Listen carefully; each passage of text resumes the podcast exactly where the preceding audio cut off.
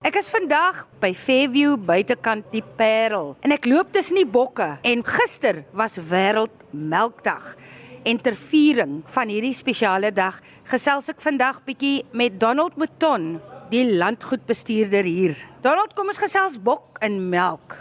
Goeiemôre Heidi. Ja, baie dankie. Dankie vir die voorreg dat jy hier na ons toe kom. Die bokke kan jy hoor, hulle sê ook vir jou welkom. Toe ons net het die bokmelkie geproe hier buite, toe jy gesê dis die naaste wat jy nog geproe het aan moedersmelk. Nou ja, soos jy weet, het 'n bok ook net twee spene. Die melk is die naaste, sover ek weet, aan moedersmelk wat daar is. En ons staan in die bevoordeelde posisie dat ons 'n uh, groot spulpunt geplant het met lucerne, so ons gaan meer van ons eie voer kan groei hierson. Ek moet sê, ek kan nie bokmelkkas eet noodwendig nie. Ek hou nie so seer van die reuk nie, maar ek het gesien hoe melk jy die bok en ek het daai melk, hy vars melk geproe, dit was so lekker warm en dit het regtig nie wild geproe nie. Watter voer moet hulle kry? Hoe werk die hele storie? Hoe sien 'n mens om na 'n bok? Soos wat ons bokke boer intensief, ehm um, moet mens maar kyk na voeding en jy moet produksie hê. So ons voer hulle pille wat al die proteïen en energie en uh, vitamiene bevat en natuurlik in piektyd kry hulle lekker lucerne tans eet hulle maar strooi. 'n Bok is een van die beste omsetters van rifoer na melk. En die ander ding van bok, baie mense het 'n baie negatiewe konnotasie met bokmelk want hulle het eers op 'n plaas bokmelk geproe en dit was 10 keer met die hand gemelk en die hare van die bok het in die emmer geval en het gestaan in warm word want daai bokgeur wat ek lees is vasgevang in daai vetglobule en dit word dan vrygestel waar ons bokmelk hier op die plaas direk word in 'n masjien gemelk direk in die melktank en hy word dadelik afgekoel. So daai geure word nie vrygestel nie. 'n bokkie wat gebore word weeg enige iets van 2 dan sê maar 4 4 en 'n half kilos. Wat weeg 'n babatjie, 'n menslike babatjie omtrent dieselfde. Hulle albei is enkelmaagdiere. As 'n bokkie as hy gebore word, het hy net 'n enkelmaag, hy het net 'n melkpensie. So as dit kom by die samestelling van die melk, dink ek is bokmelk die naaste aan moedersmelk wat daar is. Mm. En ek het al baie moeders gehad hierso wat sukkel met kinders. Hulle het nie borsmelk nie. Kinders wil nie reageer op hierdie melksurrogate en beesmelk nie en dan kom koop hulle die bokmelk hierso en die kindertjies floreer. Bokmelk het 'n gesondheidsoogpunt uh om die vetglobulletjies uh, baie kleiner en sagter is, baie verteerbaar.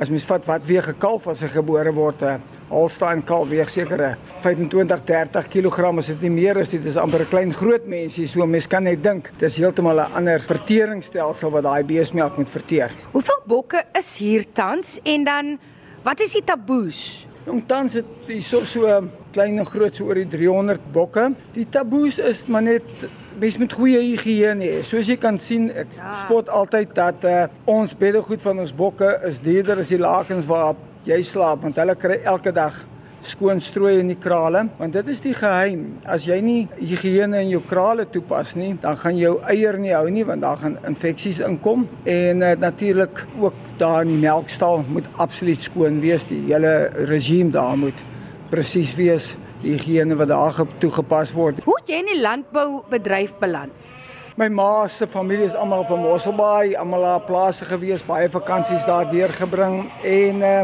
die gogga het my kleintyd gebyt en uh, toe ons groot geword in Oos-London, maar uh, gehoor van uh Oakdale die bulle.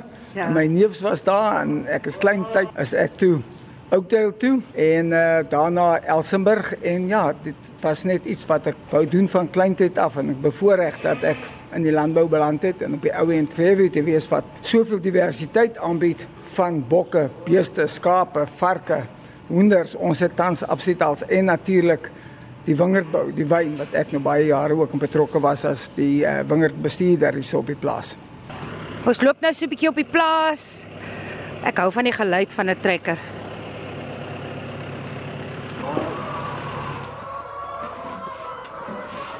Ons kom nou van die bokke af na die hoenders toe. Is dit hoe gelukkige hoenders klink? Absoluut. Ja, hy kyk, hulle weet, hulle is vryloop hoenders. Hulle is nie vasgevang in 'n ou klein hokkie nie. Hulle het die hele kampie buite waar hulle kan gaan lekker rondloop. Ons het so 500 van hierdie uh Highland Silver lêne en produseer ons eie vryloop eiers hier op die plaas van ons vryloop uh, hoenders. Donald gaan nou die hek oopmaak. Daar klop hulle almal uit. Jessie.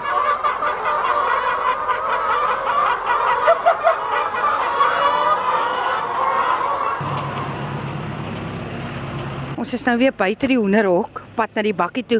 Wat gaan jy nou vir my wys? Man, ek wil vir jou ons vryloop varke gaan wys. Ehm uh, en natuurlik het ons ons uh, mooi Angus beeste ook. Ons kan dalk daar by hulle ook verbyry.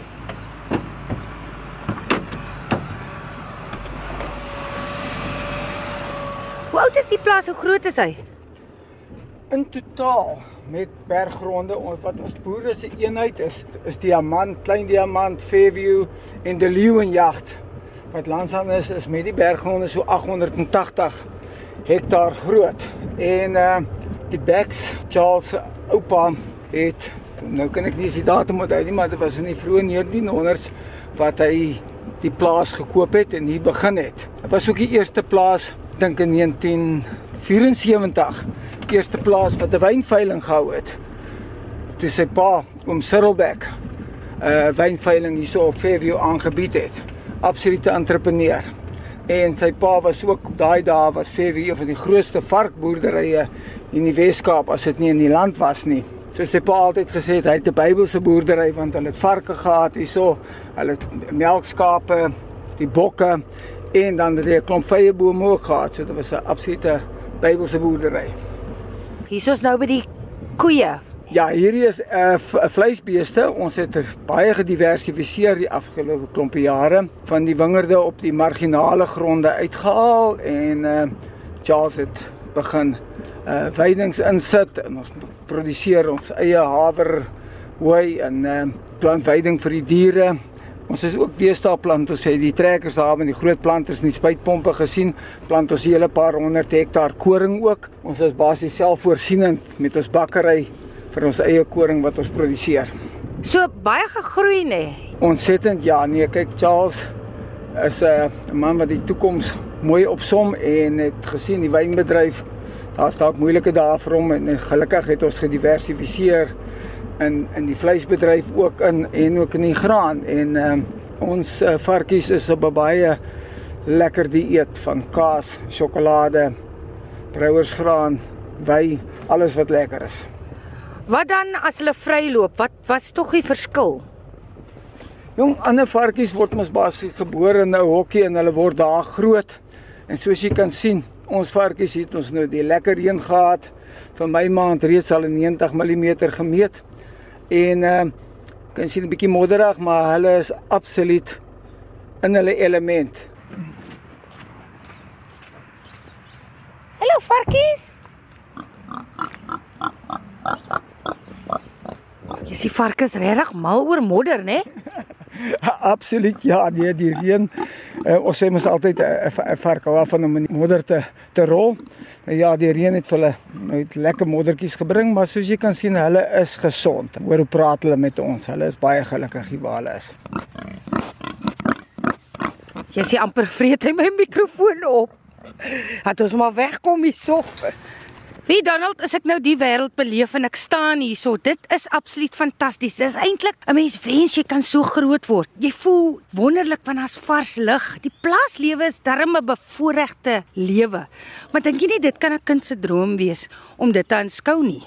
Absoluut. Ehm uh, nee, ek ek sal graag weet dat as die kinders hierso kry, stadsmense, laat hulle dit kan kom ervaar. Daai varkie dat daar in die agtergrond nou so lekker praat dat hulle die varkie kan sien. Met die bokke kan weet ek weet nie of hulle die staan nog Heidi en en Pieter se stories kyk op op televisie nie of dat hulle daai ervaring het saam met ons bokke kan wys hoe word 'n bok gemelk die bokmelk proe hulle die hoenders gaan wys en die beeste dat hulle absoluut hierdie plaas ervaring kan geniet so ja dit is iets wat ons baie graag wil doen en gaan doen. Ek dink dis vir al die kinders. Hulle sien net die eiers is op die rak en die melk is in 'n bottel of in 'n boksie, maar hulle weet nie eens waarvandaan dit kom nie. So ek sal hulle graag daai blootstelling wil gee en daai ondervinding dat ons hier by plaas kan beweeg en dat hulle die diere sien en hulle hoor en ruik en aan hulle kan vat. En dan natuurlik sit ons met hierdie fantastiese Parelberg.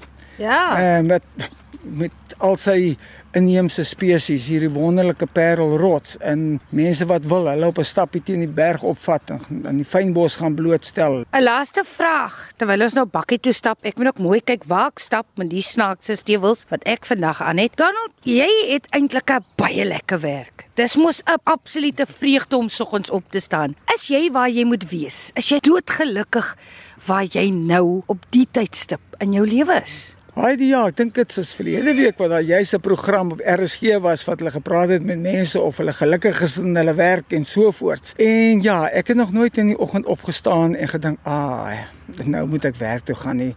Dit voel nie vir my so werk nie. Dit is maar 'n lekker, om die Engelse woord te gebruik, 'n hobby wat ek beoefen. En natuurlik het hy sy verantwoordelikhede, maar ek doen dit met 'n plesier en dit is my 'n voorreg om op hierdie plaas te kan werk.